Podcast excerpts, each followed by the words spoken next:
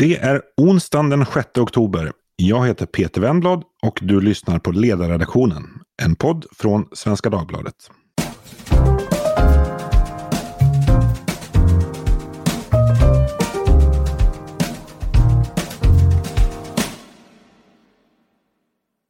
Idag ska vi prata om Donald Trumps återkomst och framtiden för den amerikanska demokratin. För som jag skriver på dagens ledarsida i Svenska Dagbladet så talar det mesta för att Donald Trump blir Republikanernas presidentkandidat även i nästa val 2024.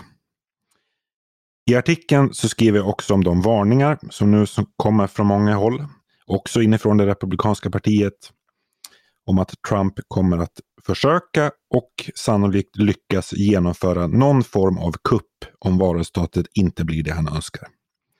I tidningen Washington Post skrev till exempel den konservative tänkaren och skribenten Robert Kagan nyligen att USA är på väg mot sin svåraste politiska och konstitutionella kris sedan inbördeskriget. Och att sannolikheten är stor att det här slutar med våld, död och den federala statens sammanbrott. Dramatiska ord. Men världens viktigaste demokrati kan alltså vara något helt annat om bara några år. Huruvida de här varningarna är befogade och hur oroliga eh, vi ska vara för den amerikanska demokratin, vad som kommer hända om Trump återvänder till Vita huset och vad det innebär för resten av världen, inklusive Sverige. Det tänkte jag diskutera med två USA-kännare som gjort mig sällskap i Ledarpoddens virtuella studio. Den första är Frida Wallnor som är ledarskribent på Dagens Industri och som tidigare var tidningens USA-korrespondent. Välkommen hit Frida! Tack, tack! Den andra är Jan-Erik Larsson, eh, borgerlighetens grand old man, eller vad man ska kalla dig. Eh, som följt internationell politik i allmänhet och amerikansk politik i synnerhet under många år. Välkommen Jan-Erik! Tack så hemskt mycket! Eh, jag tänkte för att våra lyssnare ska kunna följa med i våra resonemang så tänkte jag kort redogöra lite mer för innehållet i den här artikeln av Robert Kagan eh, som jag nämnde tidigare och som fått stor uppmärksamhet och kan utgöra lite utgångspunkten för vår diskussion.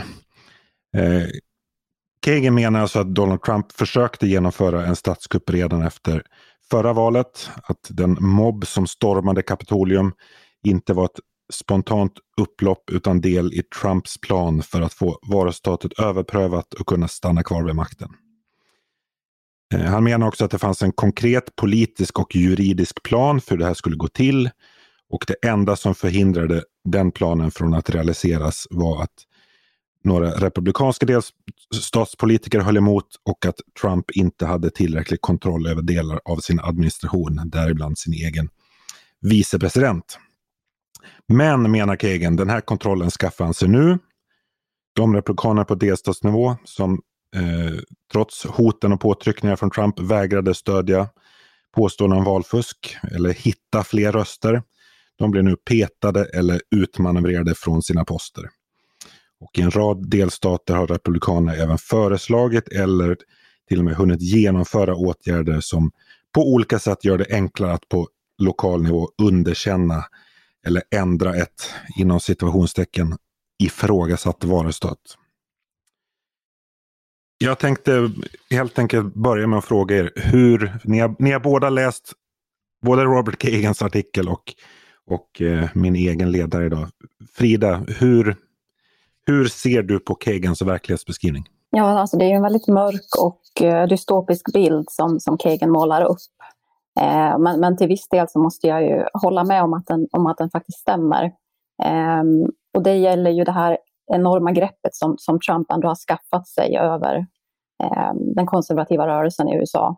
Eh, som jag på, på nära håll fick följa faktiskt under min tid som korrespondent när jag åkte runt på de här valmötena och pratade med Trump-supportrar som, som eh, har en väldigt verklighetsfrånvänd bild av samhället och eh, i princip alltid citerade Trump vad man än frågade. Liksom Trumps tweets, Trumps tal.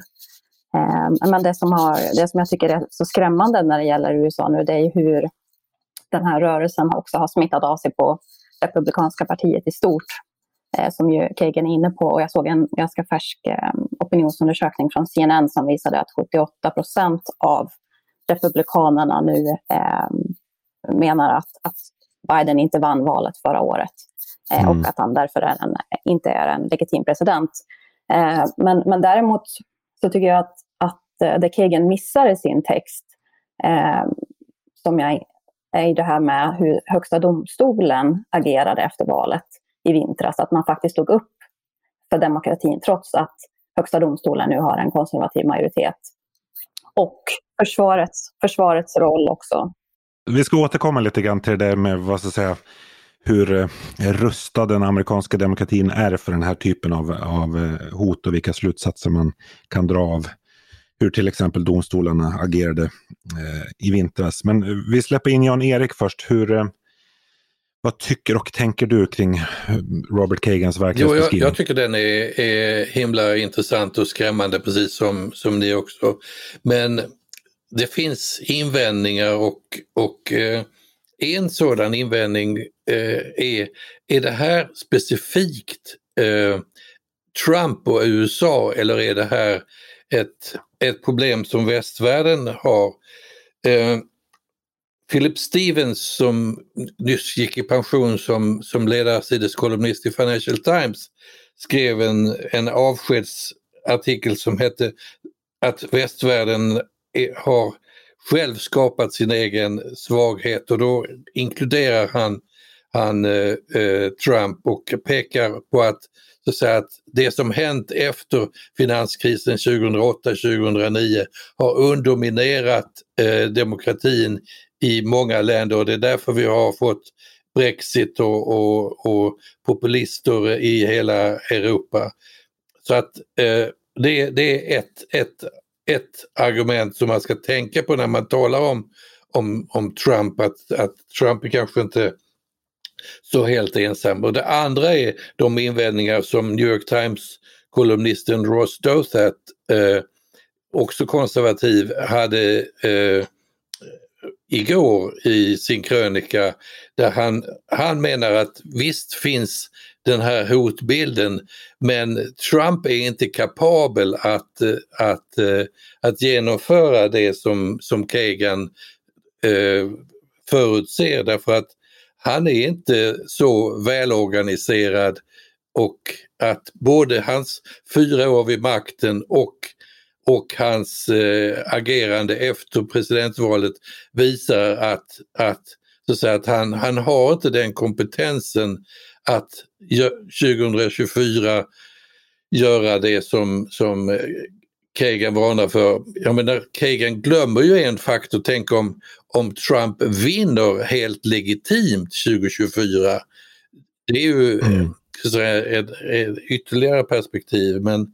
Vad, vad, tänker du om det eh, Frida utifrån det du såg under din tid som USA-korre och den inblick du fick i både vad ska säga, Trumps agerande och eh, Republikanska partiet. Har, har Trump förmågan att liksom, genomföra eh, de förändringar som eh, behövs för att han ska kunna ta makten? Ja, men det jag tror framförallt eh, var en viktig förklaring till, till Trumps framväxt, alltså han rörels, rörelsens framväxt, är ju att alla hela tiden har underskattat honom. Alltså han underskattades i valrörelsen inför 2016 och under hela hans tid som president har han underskattats. Men jag tror att eh, i och med att vi har den här diskussionen nu till och med och att den här diskussionen förs i USA och att folk i allmänhet har blivit uppmärksammade på liksom, vilka hot det faktiskt handlar om här, så tror jag att, att eh, risken för att det här skulle kunna ske 2024 minskar i och med att, att han underskattas inte längre. Man, man fattar vad det här är för typ av en person. Hur, hur, tänker du då att den här diskussionen som nu, nu förs skulle kunna förhindra fel utveckling? Ja, jag tänker att eh, stormningen av kongressen till exempel, det, det var ju en sån här händelse som, som på förhand var det nog många som inte trodde att det skulle kunna ske, inklusive mig. Um, men nu har det skett och jag tror att, um, att det öppnar ändå ögonen på folk. Nu, nu som, som Kagan beskriver så sker det ju en del institutionella förändringar i USA, att republikanerna försöker ändra vallagarna och, och liknande. Men, men jag håller inte med om att allting går i den riktningen, utan det finns ju också en motrörelse som, som håller emot. Och jag tror att den här typen av diskussion eh, verkligen bidrar till att motståndskraften ökar. Ja, du Jan-Erik som har god inblick i eh, den interna debatten inom Republikanska partiet. Hur skulle du beskriva den? Alltså de här motkrafterna som, som, eh, som Frida pratar om. Hur, hur ser de, vilka är de? Hur ser alltså de ut? Det, jag skulle, om man ska förenkla lite så är det dels de som Frida har mött på Trumps möten. Det är den ena sidan. Och den andra sidan är de, de eh, kallade intellektuella republikanerna. De som, de som inte, som tyckte, som redan tyckte vid det senaste presidentvalet att det var absurt att republikanerna inte, inte hade en, eh, en egen politisk plattform utan plattformen var Trump. Alltså narcissisten Trump är så fokuserad vid sig själv och, och sitt, sitt eget. Eh, så att om vi tittar på de här fyra åren med Trump, han gjorde ju aldrig någonting allvarligt därför att han har inte den förmågan. Han, han är så fokuserad på, på sitt ego att eh, att eh, han inte klarar av att, att och han klarar inte av att genomföra det, det här kuppförsöket som gjordes då, som, som du beskriver och som Kagan beskriver. Och eh, Michael Strain på American Enterprise Institute skrev bara för några dagar sedan att ett sunt politiskt parti kan inte eh, eh, styras av personkult och att eh, det var perso personkulten Trump som förlorade 2020. Så att eh, jag tror att det finns eh, ganska många och vad man väntar på är att det ska ställa upp. Och det kan, kommer inte förrän, förrän efter mellanårsvalet nästa år, någon republikan som så att säga utmanar Trump. Men jag tror att det kommer att hända. Eh, så att eh, jag, jag är inte så säker på att han är så självklar som presidentkandidat 2024. Det är några år dit och det är en gammal man. Frida, när stormningen av Kapitolium genomfördes då i början av januari i år så eh, skrev du i Dagens Industri att du hade, du hade en förhoppning om att det här liksom skulle innebära slutet på trumpismen och, och eller någon slags slut på trumpismen och eh, någon slags eh, ny start för, för eh, USA. Blev det så? Vad, vad, vad har du sett efteråt? Blev det som du trodde? Nej, alltså, någon slut på trumpismen tror jag inte att jag skrev och det har det ju verkligen inte blivit. Men, men det jag skrev den här kvällen efter stormningen av kongressen eh, var ju snarare att det här skulle bli en, en vändpunkt. Och det kan man ju med, med facit i hand säga att det blev på kort sikt i alla fall en vändning. Att det var ju efter den här stormningen som eh, Trump uteslöts eller stängdes, hans Twitterkonto stängdes till exempel, vilket ju gjorde att hans möjligheter att nå ut Eh, begränsades. Och efter det här så var ju också eh, var det ju de republikanska kongressledamöterna som ändå rättade in sig i ledet och såg till att, att Biden faktiskt blev president ändå, även om det kanske inte var helt... Man kanske inte var helt på det klara med att han hade vunnit legitimt, men man ändå såg till att han, han blev president. Ehm, och sen den tredje aspekten tycker jag ändå är det här att ehm, till och med på Fox News verkar folk vara ganska Eh, förundrade över det som hade skett. Att det, det var en viss ögonöppnare det som hade hänt. Att man, att man, som jag beskrev innan, att man har att, att Trump gång på gång liksom har överraskat att man inte har förstått vad han har varit kapabel till. Men i och med stormningen av kongressen så tror jag att det liksom verkligen gick upp för folk att vad det här är för typ av, av ledare och vad hans rörelse är kapabel till. Men, men sen är det ju klart att, att det här är ju, den här rörelsen är ju definitivt inte död på grund av det som hände då, utan det känns ju som att den här rörelsen har fått ny kraft. Dels av hela den här konspirationen kring att Biden vann valet eh, att, att, han, att han stal valet. Men också den här stormningen av kongressen som ju ses som en patriotisk handling, de som var med, eh, som liksom har stärkt rörelsen. Så att på lång sikt blir det ju, har, det, har det ju inte blivit en vändpunkt för USA, men jag tror, tycker ändå att det var en viktig, extremt viktig händelse i hela det här.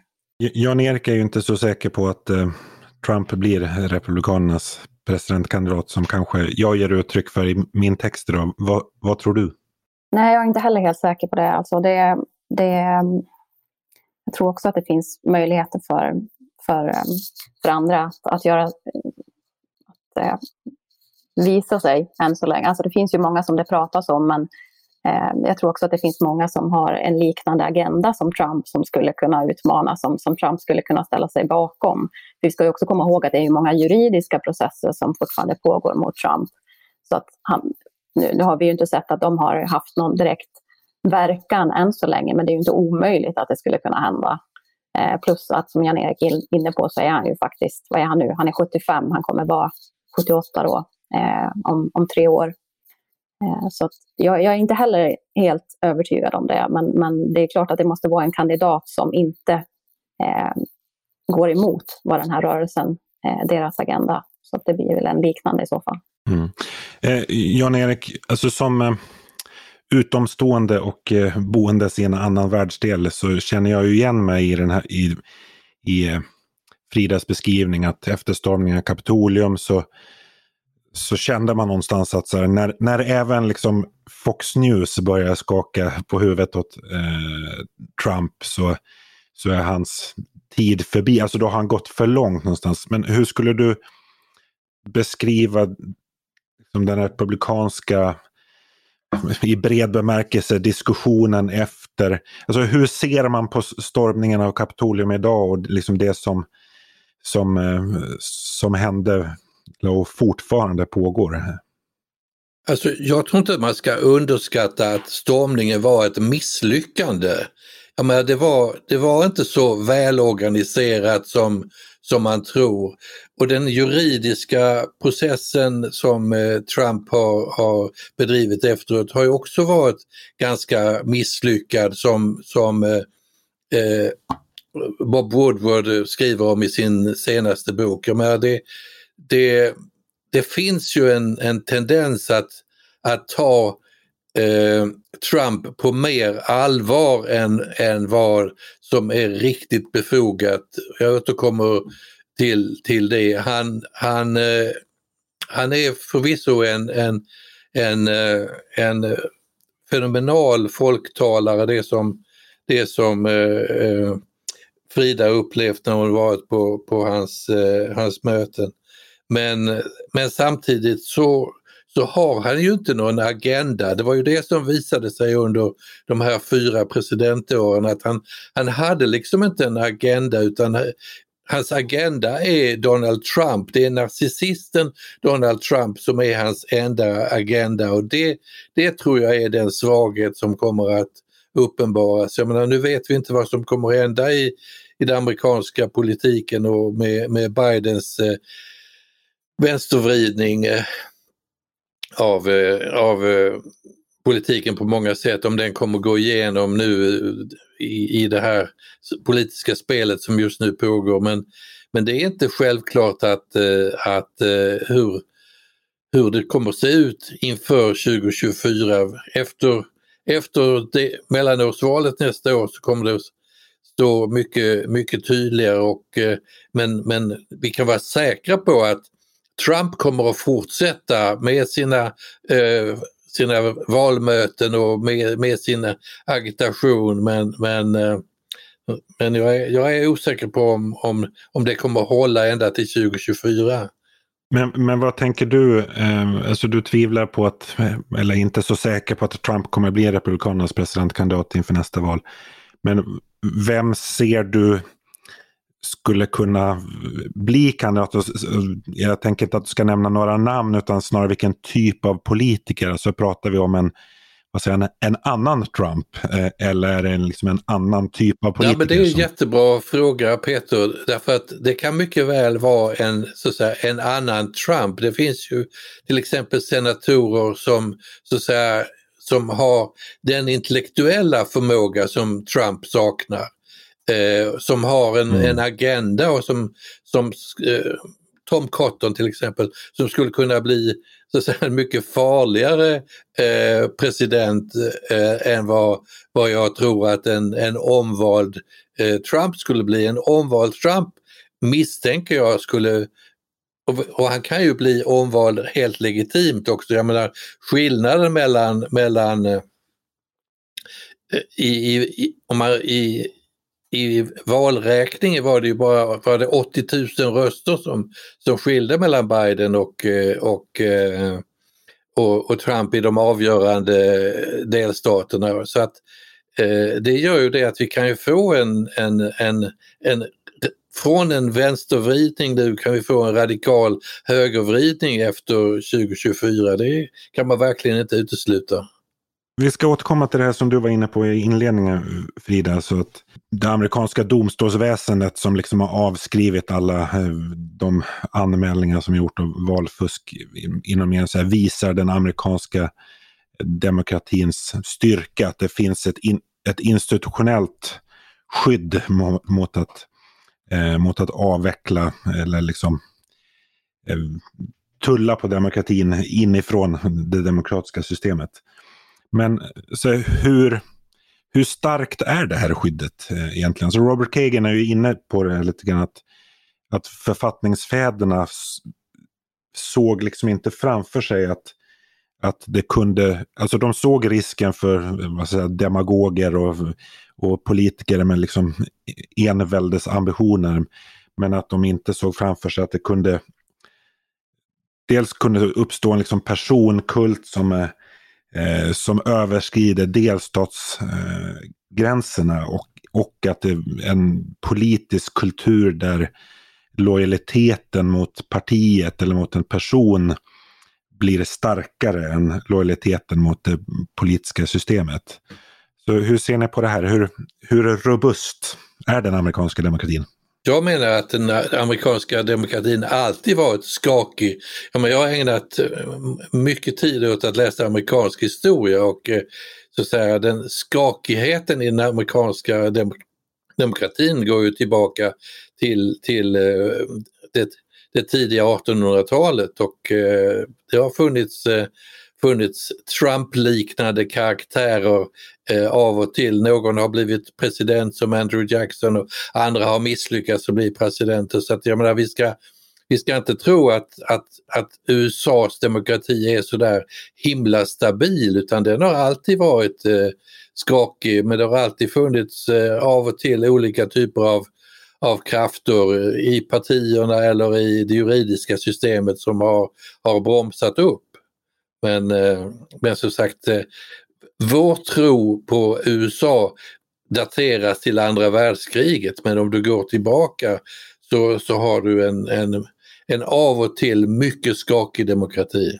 Jag tycker att det är lite missvisande att beskriva det som hände 2020 som, som att det var tack vare ett antal, eh, ett antal republikanska delstatspolitiker som gjorde att, att det inte blev en statskupp.